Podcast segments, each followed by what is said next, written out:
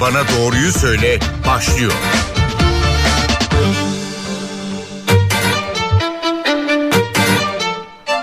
Merhaba NTV Radyo'da Doktor Bana Doğruyu Söyle başladı. Ben Zeynep Gülalp. Bugün gündemimizde Bolu'daki zehirlenme vakaları var. İshal, karın ağrısı ve kusma şikayetleriyle hastaneye kaldırılanların sayısı 130'a ulaştı. Bir kişi hafta sonu hayatını kaybetti.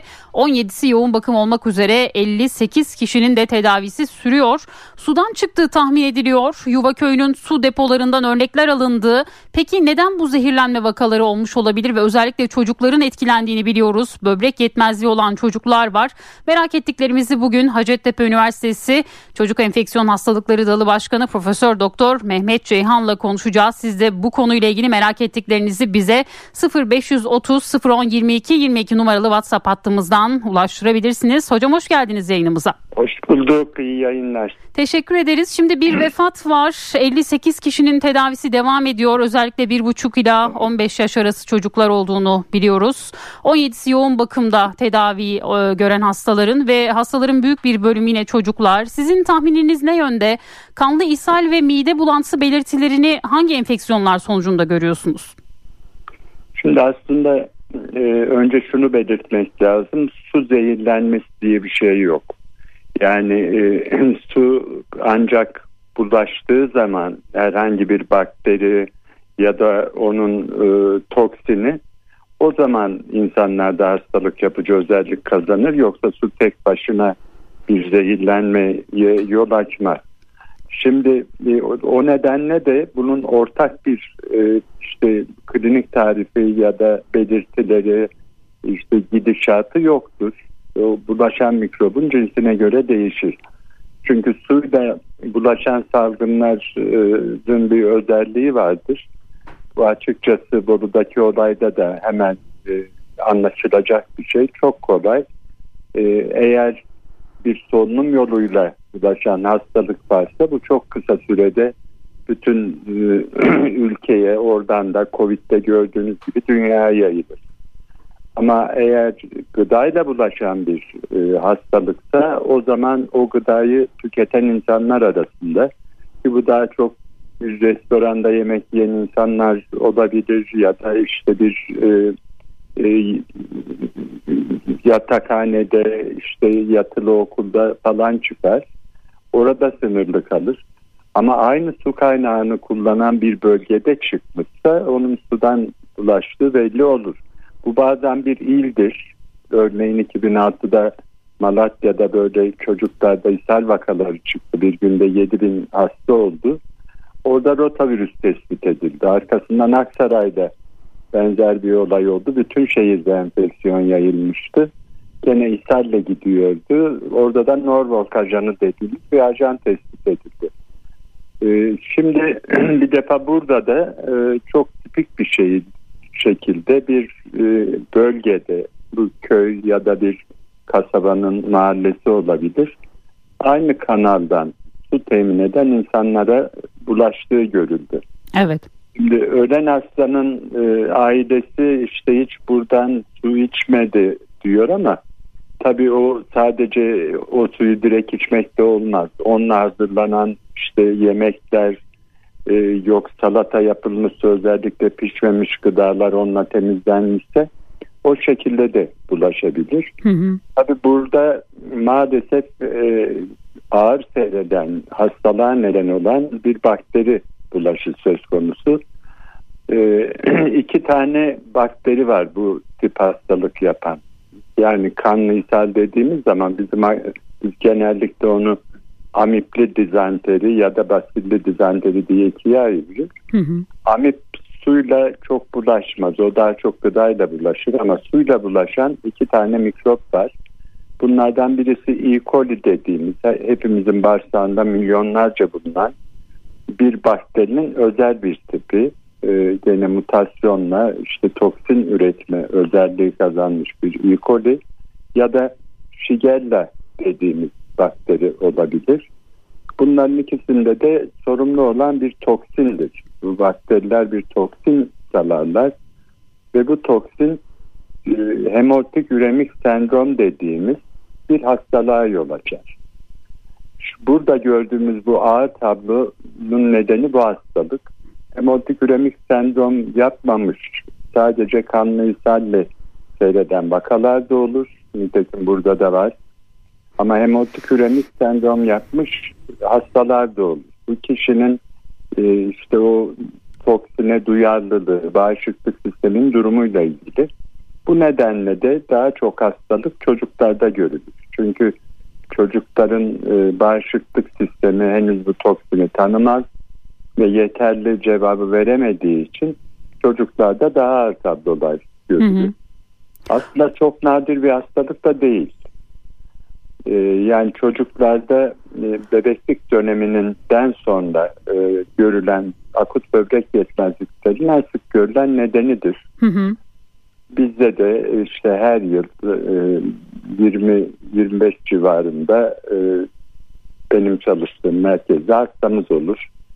Bunların bir kısmı ağır seyreder, hayatını kaybeden de olur. Diyalizde dönen de olur. Daha hafif seyreden de olur. Hocam şimdi vefat eden bir kişi var. Ee, eşlik eden bir hastalığı var mıymış? Vefat sebebi hakkında bir bilginiz var mı? Ya da hangi durumlarda ağır olarak seyreder bu hastalık? Şimdi olmadığı e, söylendi. Yani basından gördüğüm kadarıyla. E, ve e, bu gruba girmiyor. E, 40'lı yaşlarda e, e, hayatını kaybeden. Evet. Şimdi bunu şöyle düşünmek lazım. Bir e, enfeksiyon dediğiniz, enfeksiyon hastalığı dediğimiz şey insanın bağışıklık sistemiyle e, etken mikrop arasındaki savaştır.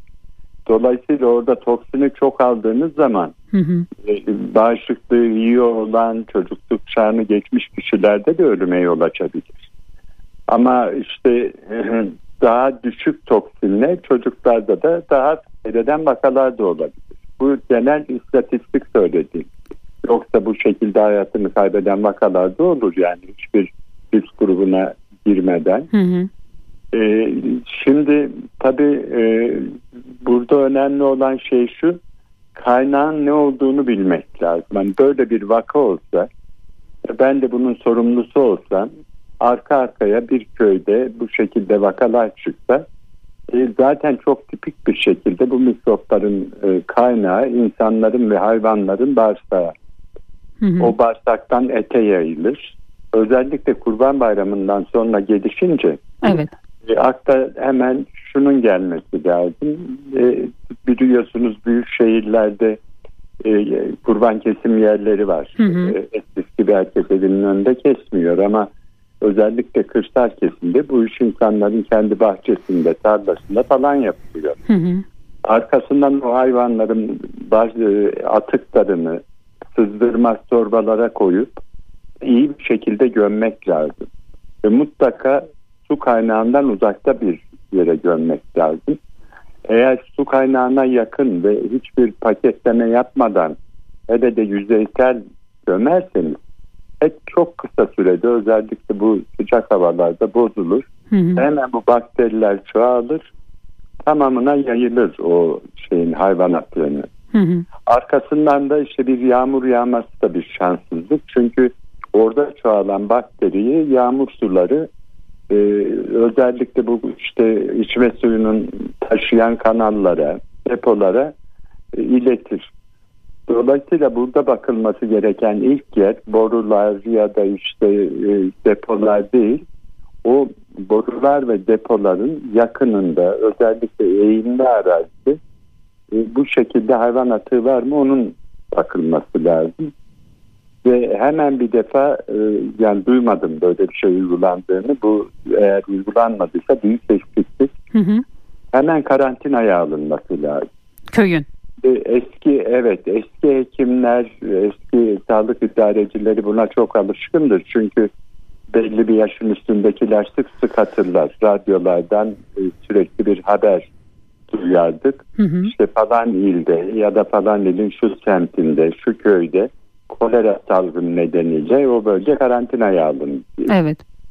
Çünkü eğer orada bunu bakteri almış ama hafif seyreden insanlar varsa bunlar oradan ayrıldığında gidip işte e, yaşadıkları şehire falan giderlerse oralarda da hastalık yayılabilir. Hocam şimdi ben de bunu soracaktım size. Şimdi bölge halkından aynı hanede yaşayan eşlerden birinin rahatsızlandığını, diğerinde bir şey olmadığını söyleyenler var. Ya da baba hafif atlatırken çocuğun yoğun bakımda olduğunu biliyoruz.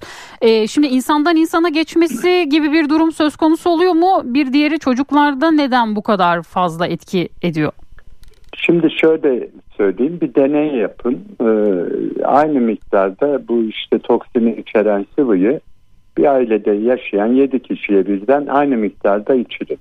Bunların bir kısmı ağır hasta olur. Bir kısmı hafif hastalık geçirir. Bir kısmında hiç hastalık belirtisi görmezsiniz. Dediğim gibi bu bir denge olayı. Yani bağışıklık sistemiyle toksinin arasındaki mücadelede hangisinin galip çıkacağıyla ilgili bir kısmının mesela o anda bağışıklık sisteminde bir miktar zayıflama olur. Ee, o hastalanmayabilir. Ya da işte anne baba bunlar e, işte daha önce bu bakteriyi hafif bir şekilde ishalle atlatmıştır. Ona karşı bağışıklık gelişmiştir ama çocukta gelişmemiştir. Gıdada bunu görürüz. Gıda zehirlenmelerinde orada neden başka orada çünkü gıdanın bir bölgesinde üretilebilir toksin. O, o taraftan yiyen insanlar hastalanır. E, aynı tencerenin öbür tarafında yoktur hastalık. Ama burada herkes alır toksini eğer içme suyunu eşit miktarda içiyorlarsa ama bir kısmının bağışıklığı iyidir. Hafif geçirir bir kısmının daha zayıftır ağır geçirir. Evet. Yani ille de böyle bilinen ağır bir bağışıklık eksikliği hastalığı olması gerekmez. Dolayısıyla e, bu çok şaşırtıcı bir durum değil. Hı hı. E, ama bir şekilde e, tamamen hijyenle ilgili bir olay. Etken gösterilemedi. Ama e, tahmin etmek zor değil. Bu iki bakteriden biri. Hı hı. Buna yaklaşımın bazı özellikleri vardır. Çünkü Evet çoğunluğu bunların e, bu saydamiki bakteridir. Kanlı ishalinde bunlar işte e, toksin salarlar. Ama etkeni görmeden antibiyotik verilmesi son derece tehlikelidir. Hı hı. Çünkü bazı bakteriler de kendi iç yapılarında bulundurur toksini. Siz antibiyotikle parçalarsanız o bakteriyi daha çok toksin e, sanılır kana. Dolayısıyla e, önce etkenden emin olup ondan sonra antibiyotik verilmesi lazım. Sonraki tedavi yöntemleri zaten belli. Biz bir kriter kullanıyoruz. O kriterin e, belli bir 13 puanın üzerinde alıyorsa bir formülde hesaplıyoruz. Zaten ölüm oranı yüksek. Daha altındaysa düşük. Sadece zaten bu hastalarda da bu olmadı. Sadece böbrek yetmezliği olmadı. Adı üzerinde hemolitik dediğimiz kan hücreleri de parçalanıyor. Hı hı. Dolayısıyla bozukluk aslında damarlarda. Yani bir şekilde bir immünolojik olayla dam, kılcal damarlar bozuluyor. Ve bu böbreklere giden kanı engelliyor.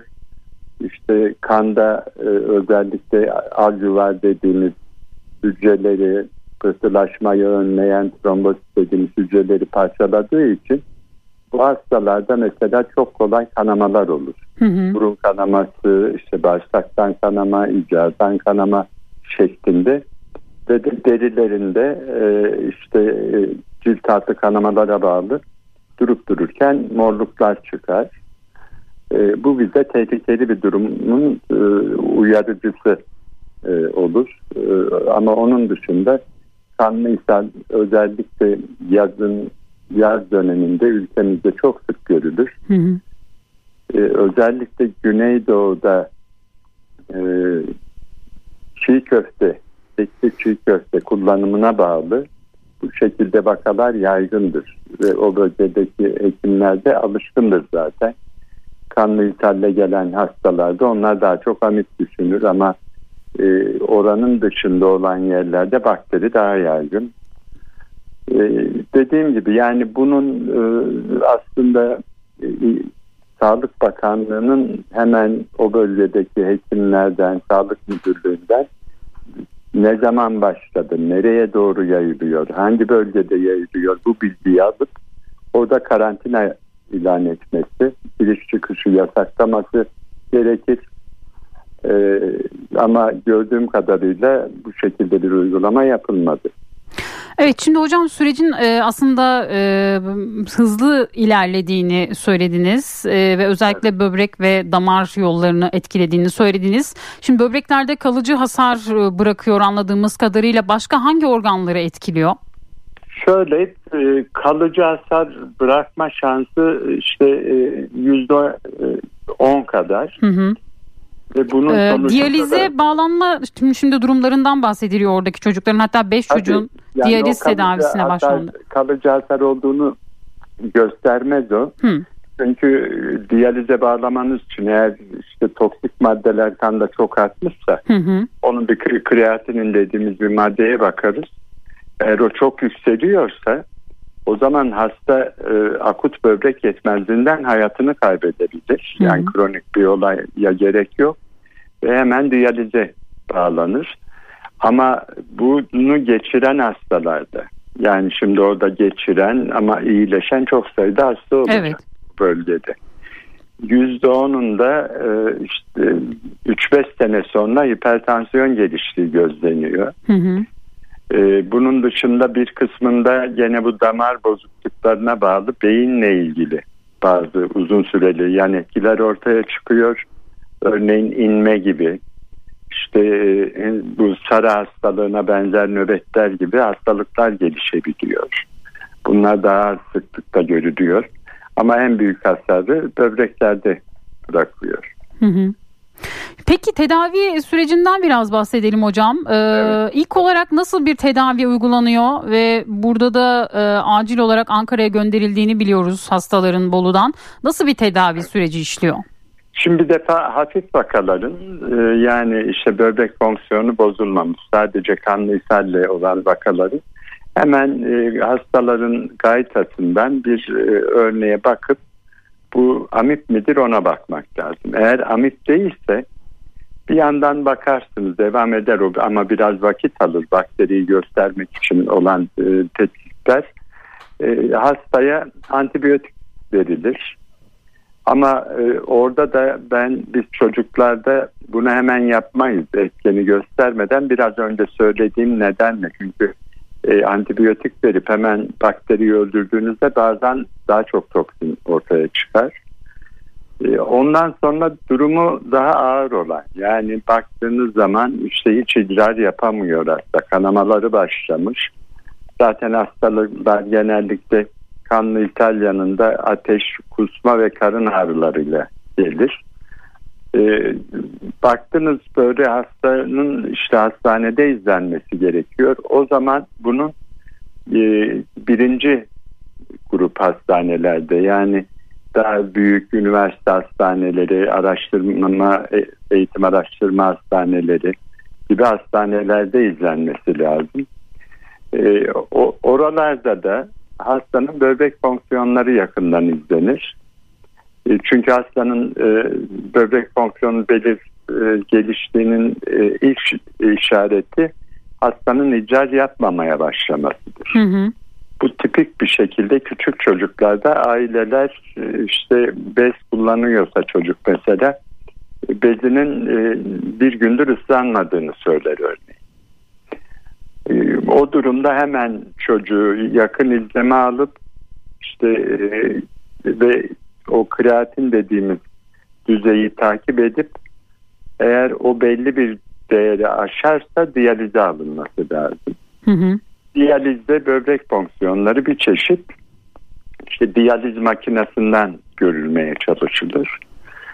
Ee, ama bütün bunlara rağmen e, özellikle kreatinin ve hemoglobin üzerinden hesapladığımız o formüldeki değer 13'ün üzerine çıkmışsa ne yaparsanız yapın en iyi merkezlerde ölüm oranı %13 civarındadır.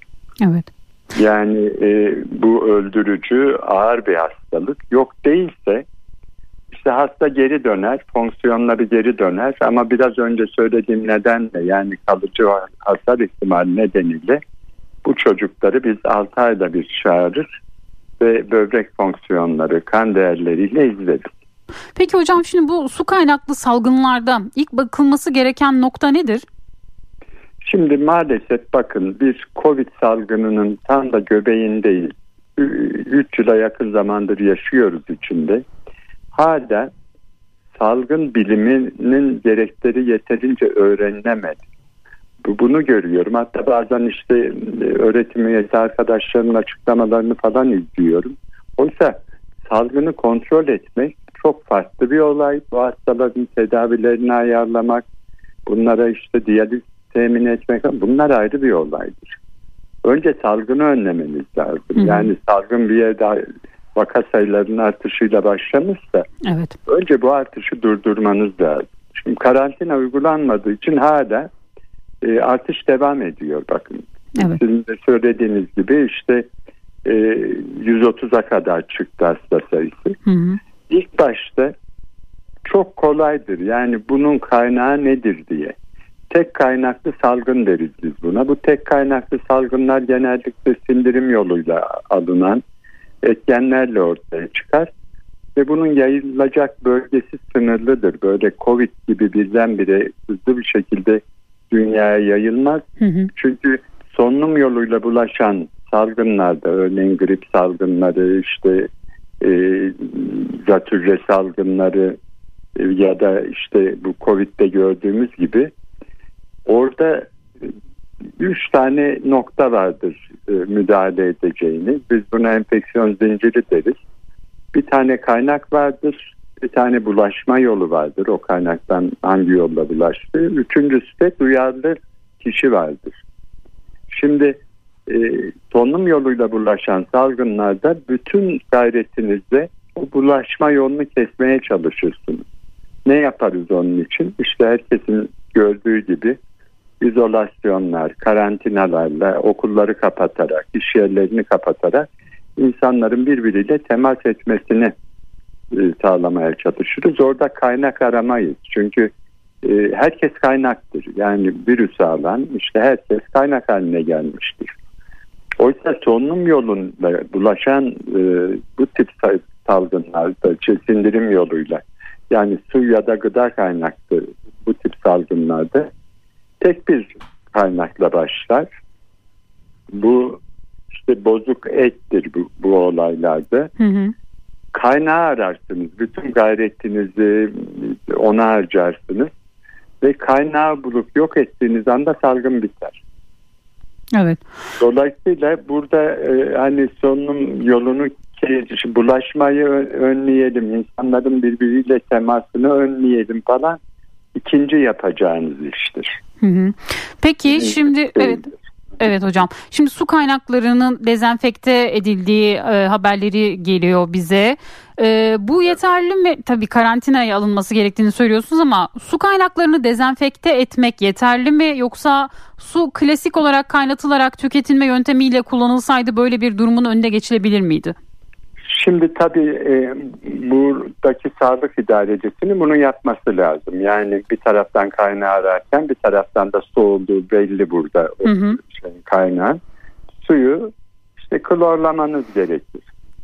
Bu klorlama uç noktada da yapılmalıdır. Yani suyu tabii hep kaynatarak kullanıyorsan işte onu kadar böyle 100 dereceye kadar ulaştırabiliyorsanız pişmeyi o zaman sorun yok. Ee, o bu da bir zaten dezenfeksiyon yöntemidir. Ama eğer yapamıyor iseniz bunu o zaman klor tabletleri var böyle evde, evlerde kullanılmak üzere hı hı. litrelik suya göre hesaplanır. Eczanelerde bulunabilir. Ee, onları alıp klorlamak da etkili bir yöntemdir. Hı hı. Ama elinizi yıkıyorsunuz musluktan akan sudan. E, elinizi yıkadınız ondan sonra bu suda işte kuruladınız ağzınıza götürdünüz. Gene bulaşabilir bakteri. Hı. Tabii ki suyu içmek kadar çok bakteri almazsınız. Ama bunu çok yaparsınız bu yolla da hastalık başlayabilir.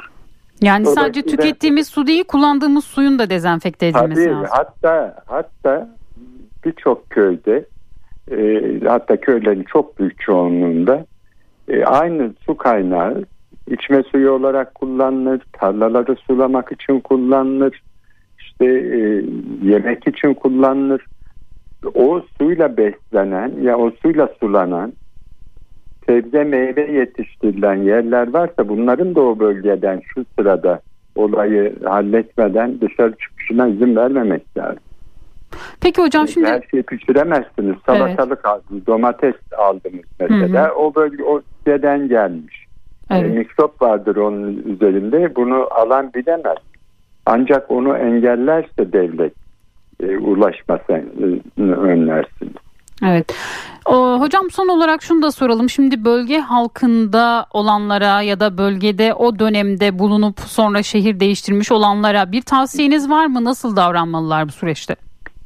Tabii yani birincisi bir defa e, önce şu iş hallolana kadar etrafla kendilerinin temasını kessinler. Yani bunun normalde bulunduğu yerde olması gerekiyordu ama olmadı. Yer değiştirdiler. Gittikleri yerde mümkün olduğu kadar kendilerinde mikrop olabileceğini düşünüp ki mikrop nerede bağırsaklarında. Dolayısıyla tuvalet temizliği son derece önemli. Ee, özellikle tuvalette ellerin bulaşmasını önlemek lazım. Ellerin mutlaka gene işte su ve sabun tercihen hatta bu Covid'de kullandığımız işte alkollü dezenfektanlarla hı hı. temizlenmesi lazım. İşte elimizin sürekli değdiği yerlerin iyi temizlenip silinmesi lazım. Ve mümkün olduğu kadar da işte yemekte misafir kabul etmek, işte ortak bir yere misafirliklere gitmek falan e, bunlar riskli davranışlar. Dolayısıyla bunlardan şu olay bir belli olup vaka artışı durana kadar uzak durmaları lazım. Hocam çok teşekkür ediyoruz yayınımıza katıldığınız sorularımızı yanıtladığınız için. Rica ederim iyi yayınlar dilerim. Çok teşekkür ederiz. NTV Radyo'da doktor bana doğruyu söyledi. Bu hafta Bolu'daki su zehirlenmelerini konuştuk. Konuğumuz Hacettepe Üniversitesi Çocuk Enfeksiyon Hastalıkları Dalı Başkanı Profesör Doktor Mehmet Ceyhan'dı. Haftaya tekrar görüşmek dileğiyle. Hoşçakalın.